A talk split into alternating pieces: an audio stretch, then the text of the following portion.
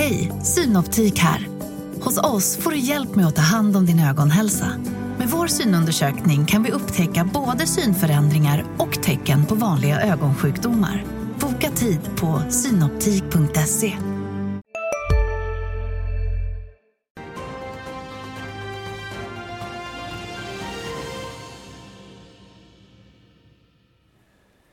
Välkomna tillbaka ni som hängt med sedan Arla morgonstund. God morgon till er som just slagit på sändningen. Det här är Börsmorgon, en ytterst intensiv rapportdag och tack och lov är jag inte själv i studion. Nej, det eh, är du inte eh, och vi har ju fantastiska gäster med oss också som kommer att eh, ta oss igenom alla rapporter. Men först lite marknadsläge. Wall Street återhämtar sig under Jerome Powells presskonferens igår stängde på grönt med visst eh, techrally. Små uppgångar har vi sett i Asien under morgonen.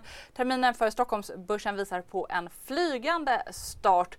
Vi har hunnit prata med åtta bolags vd hittills, däribland Nordea, ABB, SKF, Evolution och Alfa Laval. Vi har även tre kvar live här i programmet. Och med oss eh, fortsatt här i studion som jag hintade om, Fredrik Varg, SEB och Ulf Pettersson, DI. Stort tack för att ni fortsätter vara här. Vad säger ni om morgonen hörni? Jag fått många det, är, det är bra rapporter, överraskande bra tycker jag. Så att, och intressanta intervjuer. Så att, ja, och konstant höjda utdelningar nästan. Ja, men det är ju en väldigt viktig signal också för då tror man ju på kassaflödet. Vad tycker du sticker ut mest då, positivt eller negativt? Nej men alltså jag tycker det har varit lite tveksamt hittills in i rapportperioden men idag är det positivt. Det är starka rapporter och eh, sen gläds jag extra med eh, SKF här som har kämpat i motvind här i några år som levererar en riktigt bra rapport och eh, ser bra ut inför framtiden. Eh, lite intressant information här också om Kina här som SKF levererade att eh, december var en tung månad på grund av kraftiga eh, covid-sjukskrivningar. Ja, det hade man kanske inte riktigt trott. Nej det hade man inte. Samtidigt så tror jag och vi då att eh, just början av året blir ett väldigt starkt år för SKF och ABB och den typen av bolag som nu marscherar in, eller inte marscherar in, man finns ju redan i Kina men nu när Kina öppnar upp dem. Mm. Uffe, vad säger du? Vad tar du med dig hittills från morgonen? Ja, men, SKF är bra. Jag tror att eh, eh, Rickard Gustafsson tillhör de mest nöjda vd med sin rapport med tanke på det bakslag som var under Q3 då med, eh, med marginalbesvikelse så kommer de ge in bra både på marginal och på rörelseresultat i bägge delarna får man säga, både fordon och industri. Så den, den är bra. Sen så är ABB har ju varit väldigt positiva om hela året. Det är sencykliskt och ligger rätt i de här trenderna med energi och automation. Eh, där kanske liksom mycket av uppgången redan har skett då. Eh, eh, den organiska året, tillväxten var 2 där, vilket är eh, så att säga, bättre än vad Atlas och Sandvik och sånt där rapporterade men det är ändå inte alls vad vi har sett tidigare kvartal. Så vi får se hur marknaden tar emot på den då. Sen så har vi Nordea som eh, höjer utdelningen mer än väntat här och mer än egentligen deras utdelningspolitik också. Det kanske också kan ge lite ringar på vattnet på börsen. Kul att du tar upp just Nordea för, för där har vi ju intervjuat VD om kvartalet. Ja, du intervjuade VD först ut i morgonbitti sådär 10 i 7 och det är fortsatt starkt från storbank. Nordea redovisar ett räntonetto på 1,64 miljarder euro att jämföra med 1,57 och utdelningen föreslås alltså till 80 eh, öre per aktie. Också det högre än väntat. Kreditförluster mindre än analytikerna räknat med på 59 miljoner euro. Och så här lät det från Frank Jensen i morse. Um, quite good momentum during the quarter, uh, although of course, as you say, things has slowed down uh, in in most sectors. Um, but actually, the the the the lending and the you can say the the activity within the hedging of interest rates and FX within the corporate market has been very very uh, uh, active. So it's a, it's a mixed uh, quarter but we have done well and have gained market share. So all in all, a, a strong quarter to Nordea. Hela intervjun finns på vår sajt. Eh, Fredrik, du får bli vår bankexpert eftersom att du har mest erfarenhet av oss att jobba inom bank också. Vad säger du om Nordeas rapport? Nej, men till att börja med räntenettot flyger över banker generellt sett. Sen tycker jag att Nordea är intressanta. De, eh, de fortsätter på corporate-sidan, de fortsätter på bolån och så vidare. och Så vidare. Så att eh, de har framtiden framför sig. Sen signalerna kring utdelningar och allting och det fortsätter och det är väldigt, väldigt positivt. Och sen tror jag att eh, hela banksektorn är ju ingen som kommer outperforma börsen generellt sett utifrån den aspekten. Men som bol bolag och eh, bransch är det fantastiskt starkt just nu. Men vad tänker ni då? För Nordea eh, är ju på någon typ av all time high nivåer igår. Är den här rapporten tillräckligt för, för att aktien ska fortsätta lyfta?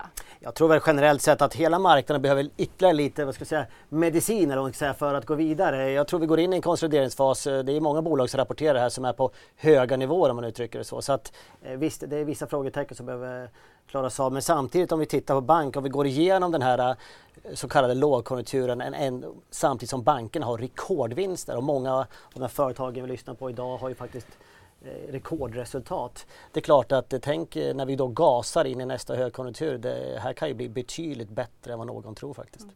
Det jag också tycker är spännande med Nordea är att de eh, fortsätter växa på just eh, bolånen. Där har vi ju sett både SEB men också eh, Swedbank tappa lite marginal. Uffe, vad säger du här? Är, är det förvånande eller kanske lämpligt att eh, Nordea växer här? Eh, nu är ju Nordea betydligt mer än Sverige då, eh, betydligt Sverige en mindre del av, av Nordea än vad i övriga banker så det kan nog ha påverkat eftersom vi haft en svagare eh, bolånemarknad här då. Men det är ju så att om någon tappar marknadsandelar ska någon ta då och nu har då Nordea valt att ta marknadsandelar. Det är lite speciellt i bank alltså. Eh, det är väldigt lätt att ta marknadsandelar. Det är bara liksom ta lite mer risk än, än de andra bankerna. Så det är ett spel som man hela tiden måste göra då. Och nu... var det så enkelt alltså att ta marknadsandelar? Ja faktiskt. Om du erbjuder lägst bolåneränta så kommer folk ringa dig. Eh, det är inte, det är inte liksom som att sälja lastbilar eller så utan det, ja, det kan man också sälja lastbilar med förlust och då får man också marknadsandelar. Så det, men det handlar om att få ihop kalkylen också. Och Nordea har gjort det bra alltså. Det är en bra rapport. Räntenettot ökar, ökar rejält men inte lika, så mycket, lika mycket som för Swedbank i, i procentuella termer. Eh, utdelningen 9 kronor om vi räknar om det till svenska är också det är bäst. Så jag kan, kan mycket väl fortsätta upp och slå nytt all time idag men det, jag tror inte det blir 5% det blir kanske 1 eller 2% eller något sånt upp på den här rapporten. Vi ska lämna Nordea lite för eh, det har blivit dags för ytterligare en rapportintervju. Det är specialfettsbolaget AAK som redovisar ett rörelseresultat på 778 miljoner kronor för fjärde kvartalet. Det var 20 miljoner lägre än väntat. Nettoomsättningen kom in i linje 13,3 miljarder kronor.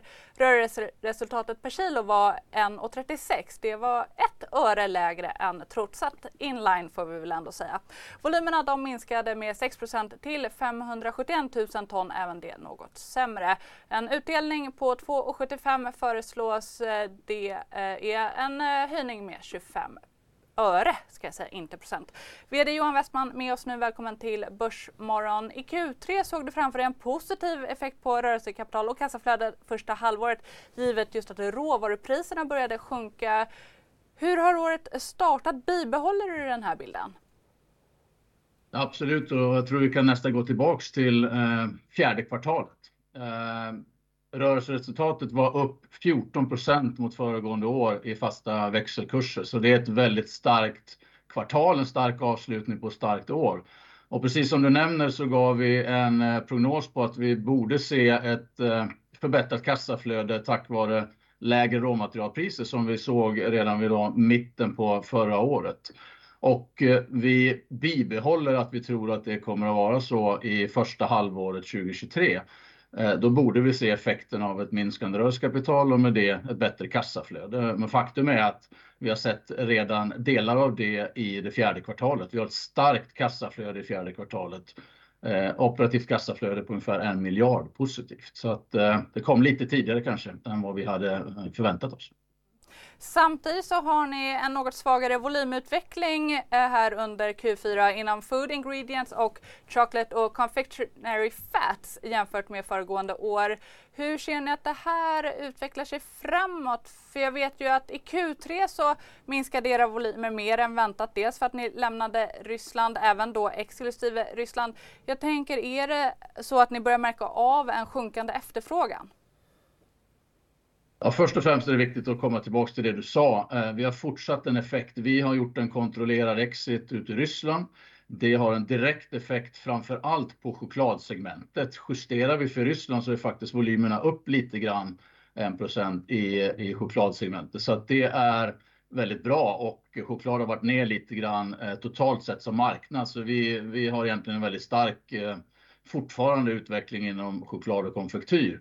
Sen är det då något svagare volymer inom det vi kallar för food ingredients som är brett vad det gäller specialfettlösningar in till olika applikationer för mat. Eh, där har vi också en viss effekt av att vi har lämnat Ryssland när vi tittar på kvartal mot kvartal. Vi jobbar också starkt med att optimera vår portfölj inom framför allt eh, bagerilösningar och mejerilösningar. Så att där har vi satsat på hög eh, värdeförädling. Vi har också Eh, ett projekt där vi ska stänga en fabrik och konsolidera verksamheten från tre fabriker in till två, Det har också en negativ effekt på volymerna. Men om du tittar på vårt resultat så är vi trots allt upp 33% mot föregående år och totalt sett så ökar vi också rörelseresultatet per kilo. Så vi stärker våra marginaler och det har varit ett viktigt fokus för oss. Eh, och sen kan vi väl säga precis som du är inne på, ja, det finns en viss avmattning i industrin totalt sett. Men om du tittar på våra volymer jämfört med det så ligger vi bra till. Eh, jag hör att ni jobbar aktivt och att ni har gjort mycket här eh, under kvartalet. Men då om vi blickar in mot 2023, märker du av en efterfråg, liksom en ändrad efterfrågan på era produkter? Inte någon större dramatik. Man ska komma ihåg hela omvärlden just nu. Det har varit ett turbulent år och vi går in i 2023 med fortsatt eh, hög inflation. Det är höjda räntor. Det är många sektorer i världen som påverkas av det här läget. Men vi levererar till en global livsmedelsindustri. Vi har en bred portfölj med många lösningar till olika segment, men totalt sett så är den mest stabila och största delen av efterfrågan på våra produkter. Det ligger i global globala livsmedelsprodukter och där har vi en affärsmodell och en industri som vi levererar till som håller sig stabil även i turbulenta tider och såväl högkonjunktur som lågkonjunktur så finns det en basefterfrågan på livsmedel. Vi fortsätter att äta. Så att ingen större dramatik, även om det såklart påverkar även vissa av de segment eller industrier vi levererar till. Stort tack Johan Westman för att du fördjupade bilden av ert fjärde kvartal och även blickade lite framåt. Eh, Fredrik, eh, AAK togs emot väl efter Q3-rapporten. Eh, resultatet var bättre än väntat då. Hur tror du att marknaden reagerar i dag? Jag tror inte det kommer bli någon reaktion direkt. Det är ju en bra stark rapport, men som sagt var, de har lite problem med Ryssland. Det som inte nämndes här, jag var lite blyg att ställa frågan, men det är ju också att ökad konkurrens från Indonesien som kommer exportera mer palmolja och så vidare. Så att det här bryr väl oss lite grann, så därför sätter vi en hold på aktien då. Så att, eh, men det är en bra stark rapport och Johan har gjort ett fantastiskt jobb som VD. Men vi har ju väldigt, tiden går så fort, snart är det börsöppning och vi har så otroligt många andra rapporter som vi kanske behöver nämna åtminstone. ABB, SKF, vi har haft Atrium, Elux var stökig. Ja, Elux, de hade en vinstvarning och jämför man med den som kom igår kväll från Whirlpool så det är klart att eh, har ju Electrolux ett jobb att göra med att få upp sin lönsamhet eller till och med komma tillbaks till lönsamhet. För det var det ju inte det här kvartalet ens om man justerar för, för engångseffekter då. Så det, och det är ett besparingsprogram där som ska slå igenom. Eh, ja, det är så otroligt många rapporter men... Eh, ABB vill vi ändå? Ja, ABB. Eh, eh, når inte riktigt upp till, till, till eh, ska vi säga, orderingång och rörelseresultat och rörelsemarginal mot marknaden. Men det är väldigt, väldigt få procents avvikelse. Eh, det är ändå en positiv orderingångstillväxt även det här kvartalet och det har vi inte sett från Sandvik och, och Atlas. Så jag tror kanske förväntningarna var lite höga. Det är lite syncykliskt och ligger rätt i elektroniktänder och sånt. Ehm, eh, tyckte att Björn Rosengren var, var, spännande att lyssna på. Det ska man göra för han pratade om att man ska börja förvärva igen. De hade förvärvat sex bolag och liksom verkligen highlightade det att, att vi ska börja förvärva. Annars har det mest varit knoppa av nu men nu är det liksom förvärv här. Och sen ska de då lansera ett nytt åter, återköpsprogram. Så det, det, var mycket positiva effekter men det är klart lite sämre än förväntat kan göra att det, plus att all time high igår på aktien kan göra att den backar lite grann möjligtvis. Eller åtminstone var sämre än börsen. Fredrik, nu är det bara sekunder kvar till börsöppning men är det någonting du vill säga innan vi börjar handla för dagen? Vi har Evolution också för den delen, Indutrade. Ja, jag tycker det är fyra bolag som är väldigt intressanta här. Det är Indutrade, det är Kinnevik, det är SKF här som kommer och, och sen så eh, ABB då förstås. Mm. Mm. Och det var faktiskt allt vi hann med innan börsöppning. Klockan är nio och vi ska gå till Matilda Svensson som står redo för att ta oss igenom starten på denna handelsdag.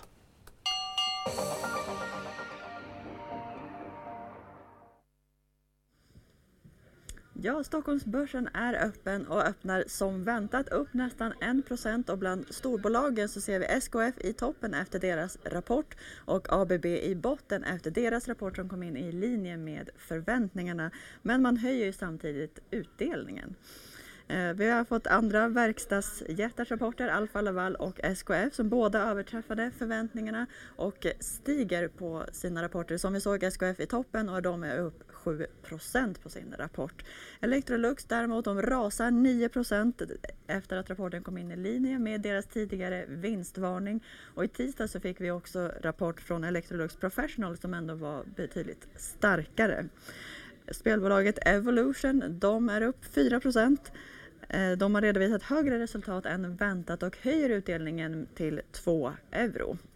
Nordea var ju tredje storbanken ut och följdes i SEB och Swedbanks fotspår med en stark rapport och lyfte runt 1% I samma sektor så redovisade Danske Bank ett hög, lägre resultat än väntat och Deutsche Bank ett bättre resultat men lägre omsättning än vad man hade trott. Men så tillbaka till Sverige där Kinnevik minskade substansvärdet igen och backar 2% Specialfettbolaget AAK är upp 1 på sin rapport och kontanthanteraren Loomis resultat kom in något lägre än väntat och tappar 1,5% Fastighetsbolaget Atrium Ljungberg redovisar ett högre förvaltningsresultat än väntat och är upp en halv procent. Bonava däremot rasar tvåsiffrigt då resultatet var klart lägre än man hade trott. Förvärvsbolagen Indutrade, AdTech och AdLife är på plus på sina rapporter och Vitrolife som ni snart ska prata med är upp 8% efter sin rapport idag. Academedia är upp en halv procent trots att resultatet kom in lägre än väntat och Stockholmsbörsen fortsätter att klättra uppåt 1 procent. Stort tack för det Matilda. Ja, Fredrik, vi har ju varit inne på det att det har varit ganska starka rapporter idag. Jag förvånas varje gång givet att vi liksom är i lågkonjunktur. Men är det någonting du tycker att man verkligen borde sätta en lykta på här? Ja, men det tycker jag. Titta på verkstadsbolag som har exponering mot eh, Kina. Vi har en återöppning, även om nu SKF att det gjorde ont i december. Så här kommer vi ha den stora hävstången och sök den typen av bolag. Vi ser Electrolux bli lite straffade här konsumtion, bort från konsumtion, in i tung verkstad som har exponering mot Kina. Det ska jag säga. Finns det ing, har du ingen sådär lite oro eller är det bara för neurotiska journalister över att man just till exempel höjer utdelningarna nu ganska vidlyftigt, även sådana som Ericsson eller Telia som i Telias fall delar ut mer än vad deras kassaflöde ens täcker. För att man just vill signalera att det är ganska bra nu men sen vet vi inte vad som händer om ett halvår. Nej det vet vi inte, en prognos är en prognos och så vidare. Men däremot så blir det så som vi förväntar oss nu med toppad inflation, vi har räntan som går ner och ett bättre andra halvår. Då, då känns det helt enkelt väldigt, väldigt bra just nu. Tråkigt nog så får vi säga tack till dig Fredrik för idag, för att du ska springa vidare och vi kommer återkomma till börsen självklart innan vi avrundar. Men nu är det dags för en till rapportintervju. Det är Vitrolife, fertilitetsbolaget. Fjärde kvartalet visar ett ebitda på 273 miljoner, en omsättning på 855 miljoner, organisk tillväxt var 11 procent. Utdelningen höjs lite från 80 öre till 85. Avgående VD Thomas Axelsson ansluter till oss. God morgon Thomas, hur slutade året för er? Eh, förlåt? Hur slutade året för er? Jättebra får jag nog säga.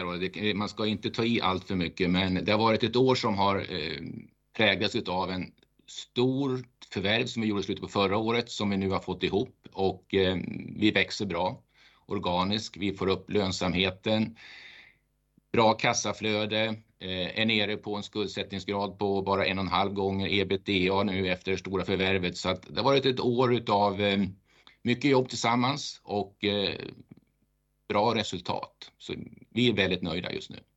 Jag har tyvärr inte hunnit se hur eh, ebitda-marginalen blev. Jag vet bara att den eh, pressades lite i, i tredje kvartalet, föregående rapport alltså sett till årstakt. Är det fortsatt viss marginalpress eller har kostnaderna pikat? Kostnaderna har pikat. Vi, vi, ligger kvar på en högre kostnadsnivå än självklart jämförelse med förra året. Men de stora kostnadsökningarna har ju varit då, eftersom vi har mycket, mycket verksamhet i USA, har ju varit löneglidningar i USA under det här året. Samt att vi har haft kostnadsökningar på ingående produkter och, och framförallt då också för våra frakter. Då, då. Men marginalen är ju, är ju bra. Den var proforma förra året på 27,8 och så är den är 31,9 just nu. Så att jag känner att det börjar bli en balans på marknaden när det gäller eh, kostnaderna. Så vi förutser inte samma typ av kostnadsbild. Kanske lite viss löneglidning i början på det här året då, då. men vi har ju också gjort eh, prishöjningar som börjar komma in i Q1 nu då, som än, ännu inte syns. Jag har noterat att eh, ni har pratat om att ni väntar er att er marknad ska växa sådär 5 till 10% per år och mm. ni har ju vuxit bra mycket mer än det eh, hittills åtminstone. Hur mogen eller omogen är den här marknaden? Den är mogen i form utav att de terapier som nu finns och att man har kliniker och man har en möjlighet att genomföra IVF i andra i alla länder den är omogen på ett sådant sätt, snarare i form av hur många är det som kan få den här behandlingen som de efterfrågar. Och det har ju att göra med kostnaderna och också eh, resultatet i, i många olika marknader. Så att själva tillväxten finns kvar och det är därför vi är så pass eh, positiva för Vitrolifes eh, kommande tillväxt.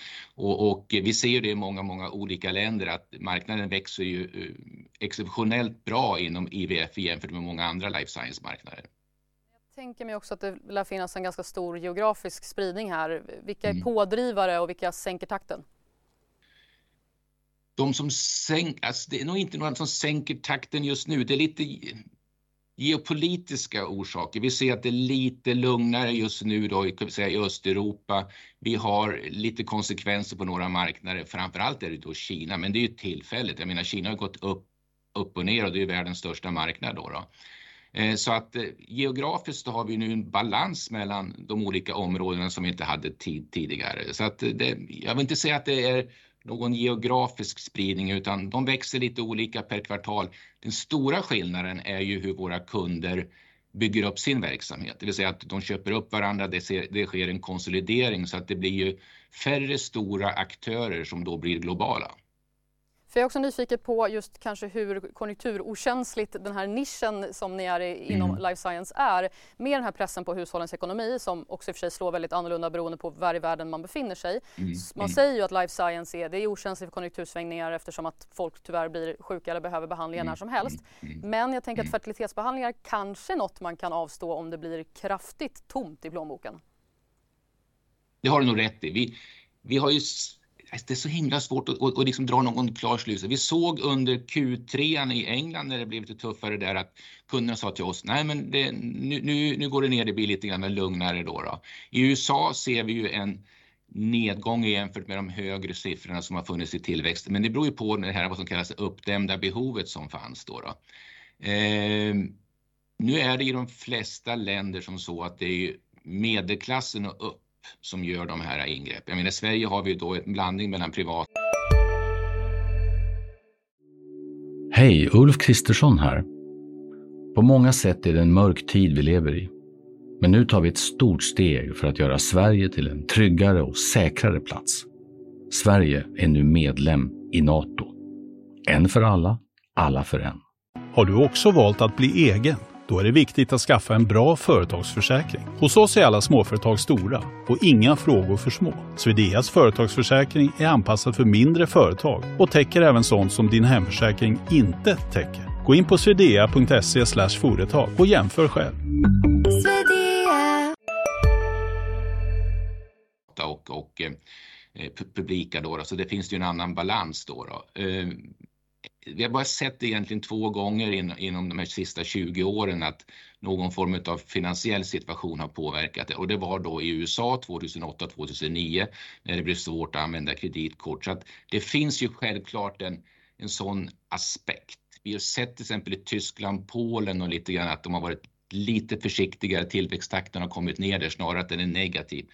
Kanske är lite geopolitisk försiktighet där ja, under en tid, men du kan inte vänta hur länge som helst. Det finns liksom en, en tidslinje också som våra kunder är väl, väl medvetna omkring. Med tanke på det du har berättat om då Thomas och att vi fick namn på nya vdn igår eftersom att du är avgående mm. vd. Mm. Vad mm. blir viktigt för Bronwyn Brophy att fokusera på framgent tycker du med Vitrolife?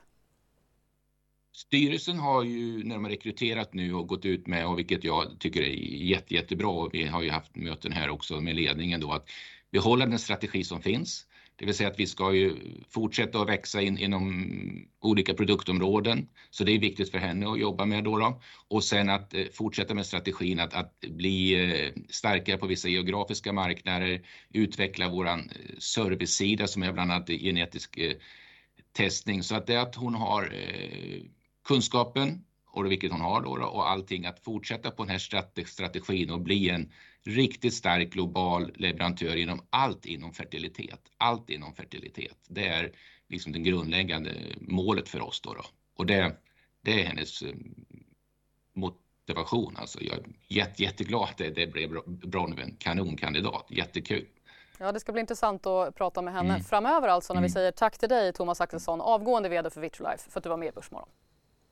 Mm, Ulf eh, tyckte det var intressant här att han var ganska ärlig med just att nej, den här typen av life science eller vård är kanske inte lika konjunkturkänsligt som vi tänker oss vårdsektorn överlag. Nej, nej det är det inte alls. Det är ju för de som inte kan få barn så är, ju, så är man beredd att offra ganska mycket andra, andra eh, grejer att göra för att liksom just finansiera en sån här i de fall som man inte får det betalt av det offentliga då. Så är det ju. Så det, Eh, visst är det så och de eh, har väl ett mål att växa 20 procent eh, om året här och det gjorde de ju med råge här senast. Det är ju ett bra resultat. De har ju verkligen kommit igång också. Jag tror att Kina nu som öppnas upp efter att ha varit nedstängt i två år. Eh, det är klart att det kommer underlätta på den marknaden också. Eh, eh, där finns nog ett uppdämt behov dessutom. Så det, jag tycker det ser, ser bra ut för dem. Mm. Och, ja.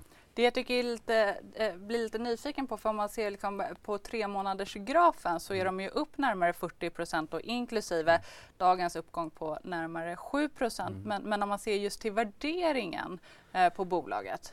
Ja, eh, tittar man på tre månader så ser den ju upptrissad ut. Skulle du dragit ut det där till ett år eller 18 eh, månader sedan, den var ju över 500 spänn ett tag och ner och, och dippade på 150 så det var en nedgång på 70 procent där eh, eh, som som, var, som visade sig i efterhand då sett till det resultatet var klart överdriven. Sen var nog 500 kronors nivån också överdriven för ett år sedan då. Det blev lite, lite väl mycket sån här medicinteknik hås på börsen. Då har vi ju sett hur, hur bolagen nu får betala för Geting och Arjo och, och, och, lite sånt där Adlife. Ehm, men ehm, ja, jag tycker att, att eh, Vitrolife Vitrolife är ju ett jätte, alltså det är ju ett, det är världsledande på en, på en tillväxt produkt och det är intressant. Sen så får vi se om de får ihop det här för det som Thomas Axelsson lämnar vidare nu till nästa VD här, det är ett ganska stort förvärv han gjorde i Italien och det ska liksom få ihop en, eh, inte bara en produkt utan blir något en hel kedja här och det får vi se om man lyckas med då. Det är kanske lite tidigt att lämna för det är inte så, så länge sedan de gjorde det här förvärvet. Det var väl kanske också därför som det blev typ frossa och, mm. och aktien rasade så mycket ja. när vd sen också skulle avgå. Men lämnar över ska vi göra igen till Nike. Ja, för det är dags för Börsmorgons sista rapportintervju nu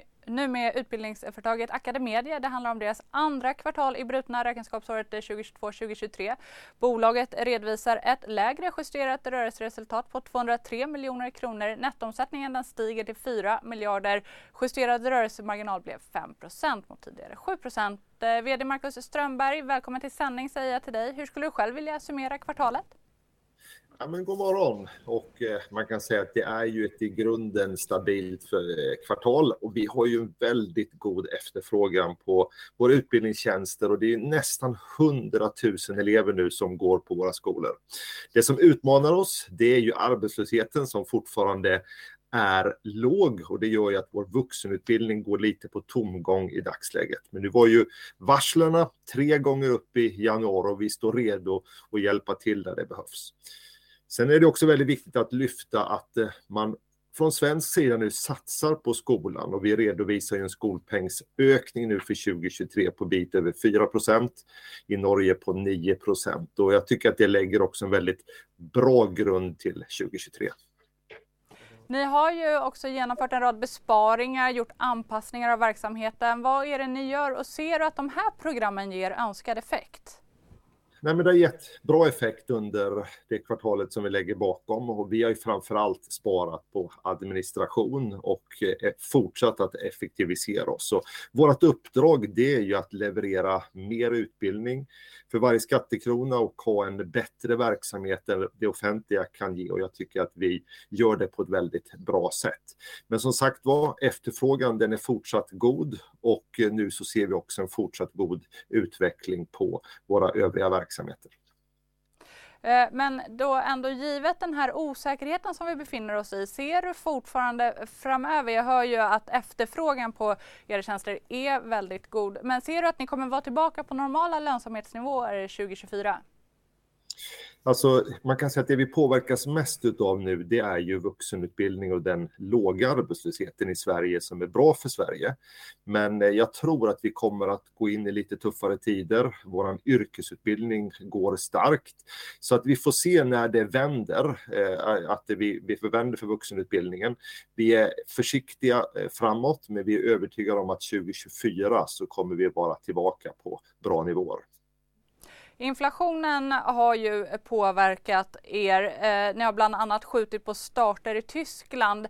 Jag blir nyfiken på hur, hur ni parerar det här, den starka efterfrågan men samtidigt de ökade kostnaderna. Ska vi räkna med ett lite lägre tempo för er när ni tar er in på nya marknader? Eller andra marknader kanske jag ska säga. Som, som det är nu så omsätter vi nästan en miljard i Tyskland och det är ju en, är fantastiskt att vi nu driver både grundskola, gymnasieskola och förskolor i, i Tyskland och som vi har redovisat så är ju efterfrågan nu 400 000 förskoleplatser.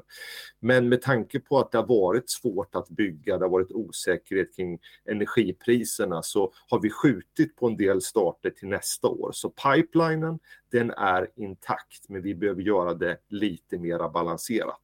Och nu ser vi att det börjar att stabilisera sig. Det finns ju fortfarande osäkerheter, men våran pipeline den är fortsatt starkt. Så att eh, Tyskland och vår fortsatta internationella expansion, den kommer att vara viktig. Och man kan ju också lyfta att vi faktiskt nu driver grundskolor, vi driver gymnasieskolor i Tyskland och vi har också fått mycket frågor på fler projekt i Tyskland. Så det ska bli spännande att se hur det här utvecklas eh, de närmsta åren. Eh, jag är också nyfiken på eh, er utdelning. I höstas tydliggjorde ni att den ska vara 30% av vinsten. Kan du berätta hur ni har resonerat kring utdelningen nu? Men det är ju väldigt viktigt att kunna vara tydlig kring vår kapitalallokering och vi har ju fått mycket frågor kring det under åren och eh, nu så vill vi tydliggöra hur vi vill använda vårt kapital och det är klart det är självklart väldigt viktigt för oss att investera i verksamheten och vi lägger ju bakom oss ett, ett år där vi tror aldrig vi investerat så mycket i våra campus som vi nu skördar, skördar framgångar utav. Men jag tänker att man som investerare ska veta vilka förutsättningar man har när man går in och tror och investerar i Academedia. Och det är det vi har tydliggjort nu. Mm. Har ni eh, tagit hänsyn till vårens avtalsrörelse eller hur har ni resonerat där? Ja, men när det gäller vårens avtalsrörelse nu så är det ju fortfarande osäkert, men jag tycker att det viktigaste informationen i den här rapporten, det är ju när vi kommunicerar skolpengen i Sverige för det här året som nu är drygt eh, 4 procent när vi summerar de beskeden som vi har fått hittills. Så sen får vi följa eh, avtalsrörelsen. Vi tycker det är väldigt bra att lärare lyfts och att lärare får en god ersättning och vår verksamhet är ju inflationssäkrad därför att det ska spegla kommunens kostnader. Mm. Eh, jag ber om ursäkt om jag borde ha hunnit läsa mig till det här i rapporten. Styrelsen har infört nya nyckeltal, bland annat nettoskulden i förhållande till justerad ebitda-resultat på rullande 12 månader, inklusive då den här IFRS 16-effekten. Hur ser er nettoskuld ut? Alltså det, det som är anledningen till det här, det är att man får ju ofta frågor på vad är bankskulden och vad är med den nya redovisningen IFRS och det är ju enkelt uttryckt hyreskontrakten. Och när det gäller våran bankskuld så är den ju idag väldigt låg, det är ungefär en gånger ebitda så att vi har ju en väldigt låg nettoskuld om man ser till det gamla sättet att betrakta det här. Men vi tycker också att det har varit väldigt viktigt att upplysa och det har vi alltid gjort om att när man driver skola så har man ju långa hyresåtaganden. Jag menar när man går in i ett campus så kan det vara 10-årigt hyreskontrakt, en ny förskola kan vara 15 år. Samtidigt så har man ju eleverna kanske för evigt. Så att vi beskriver nettoskulden både utifrån bankfinansieringen och utifrån IFRS. Och jag hoppas att det ska också kunna ge en tydlighet till investerarna.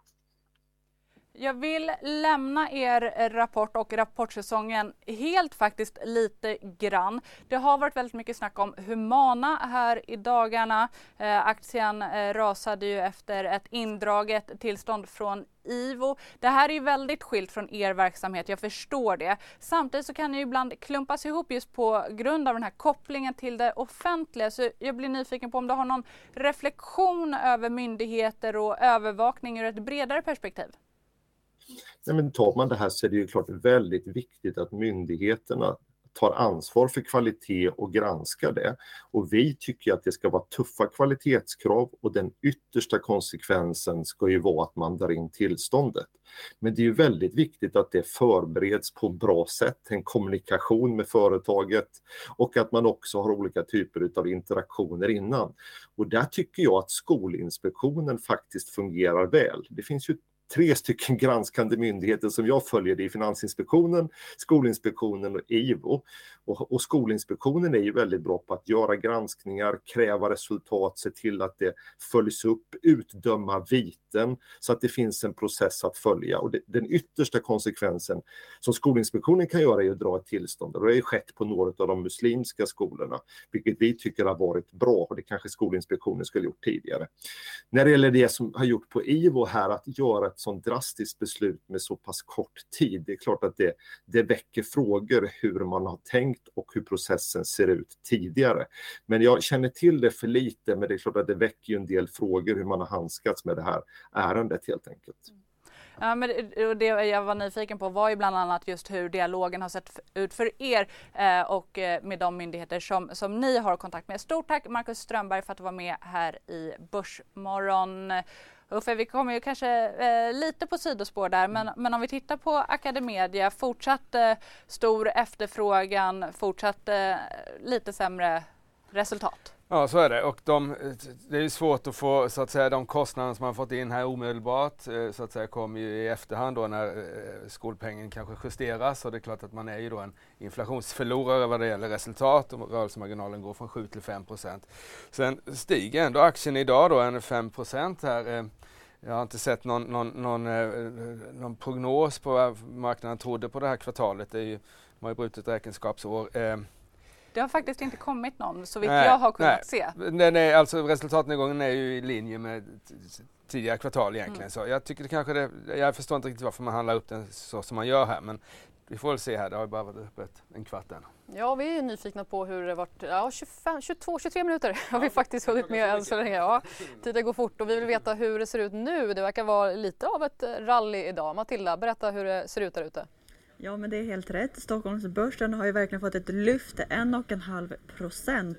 Så även storbolagslistan där vi hittar rapporterande SKF Kinnevik och Alfa Laval och Evolution i toppen bland storbolagen och i botten rapporterande ABB och Electrolux efter deras rapporter.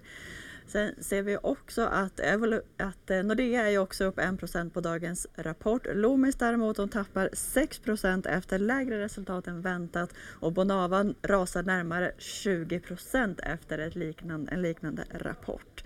Förvärvsbolagen Adtech och Adlife är upp 5 respektive nästan 9 procent efter deras rapporter nu under morgonen. Och, men utöver dagens rapportskörd så händer ju även lite annat. Bland annat har Catena Medias danska konkurrent Better Collective köpt en aktiepost som motsvarar över 5 procent av kapitalet i bolaget. Och där ser vi att Catena Media, att båda är upp runt 4 procent med lite fördröjning på Better Collective.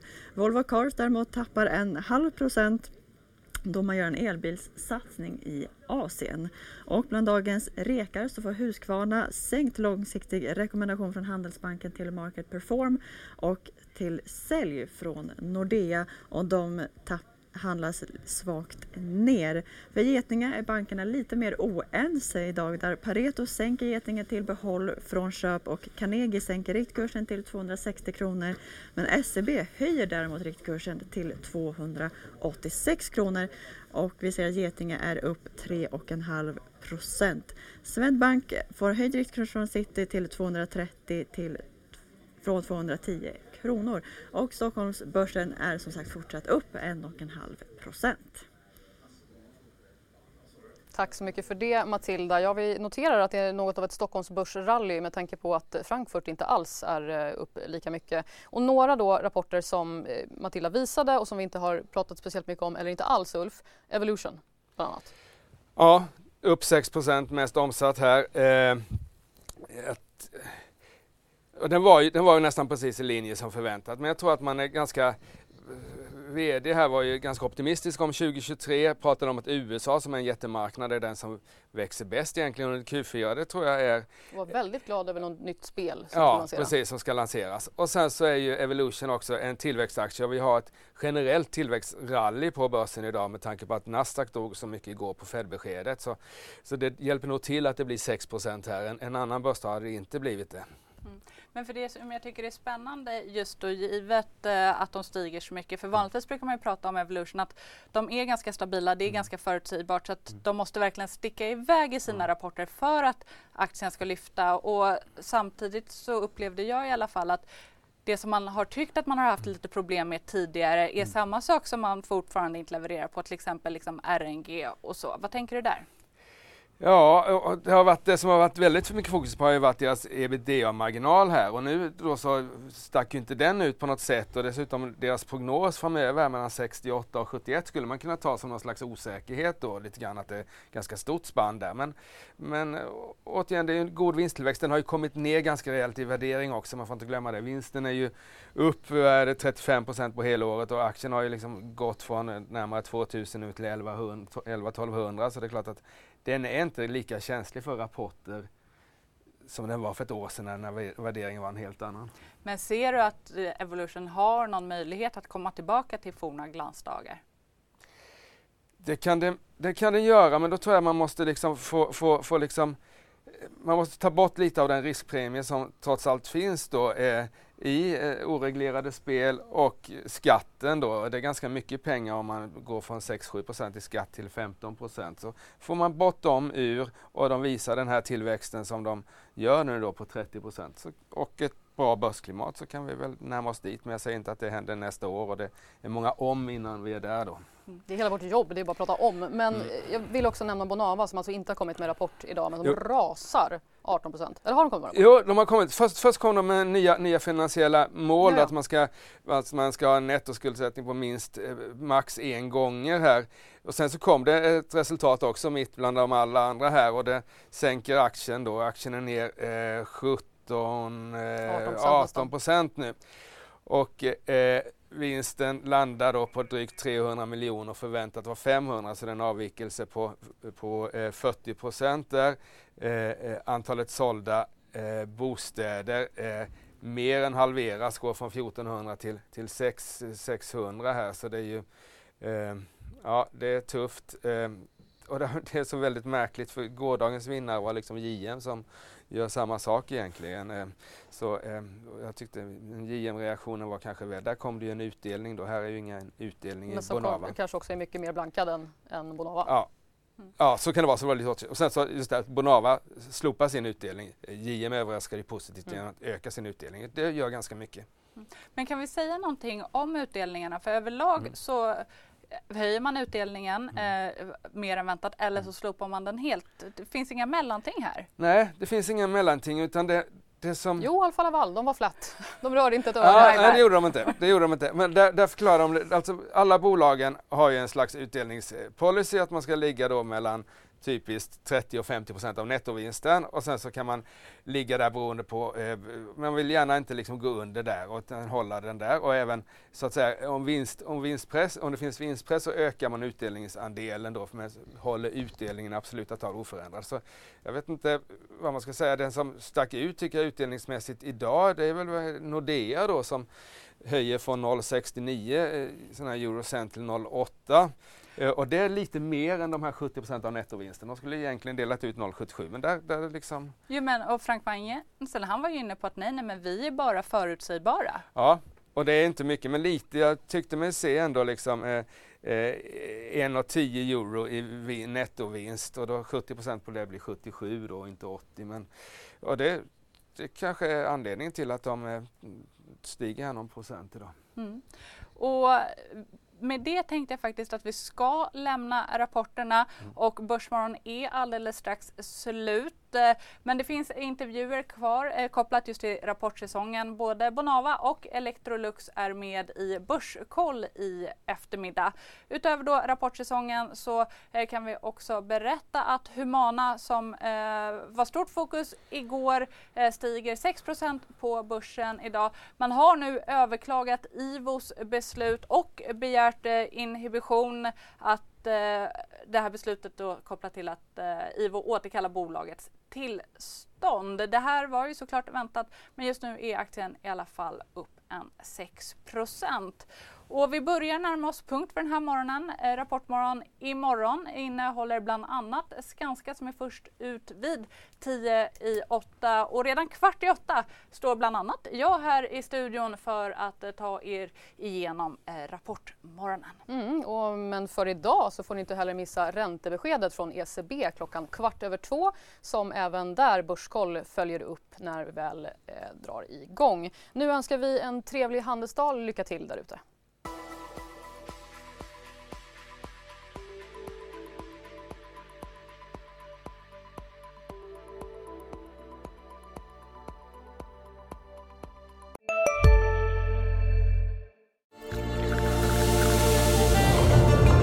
Välkommen till Maccafé på utvalda McDonalds restauranger med Baristakaffe till rimligt pris. Vad sägs om en latte eller cappuccino för bara 35 kronor? Alltid gjorda av våra utbildade baristor. En nyhet. Nu kan du teckna livförsäkring hos Trygg-Hansa. Den ger dina nära ersättning som kan användas på det sätt som hjälper bäst. En försäkring för dig och till de som älskar dig. Läs mer och teckna på trygghansa.se. Trygg Hansa, trygghet för livet.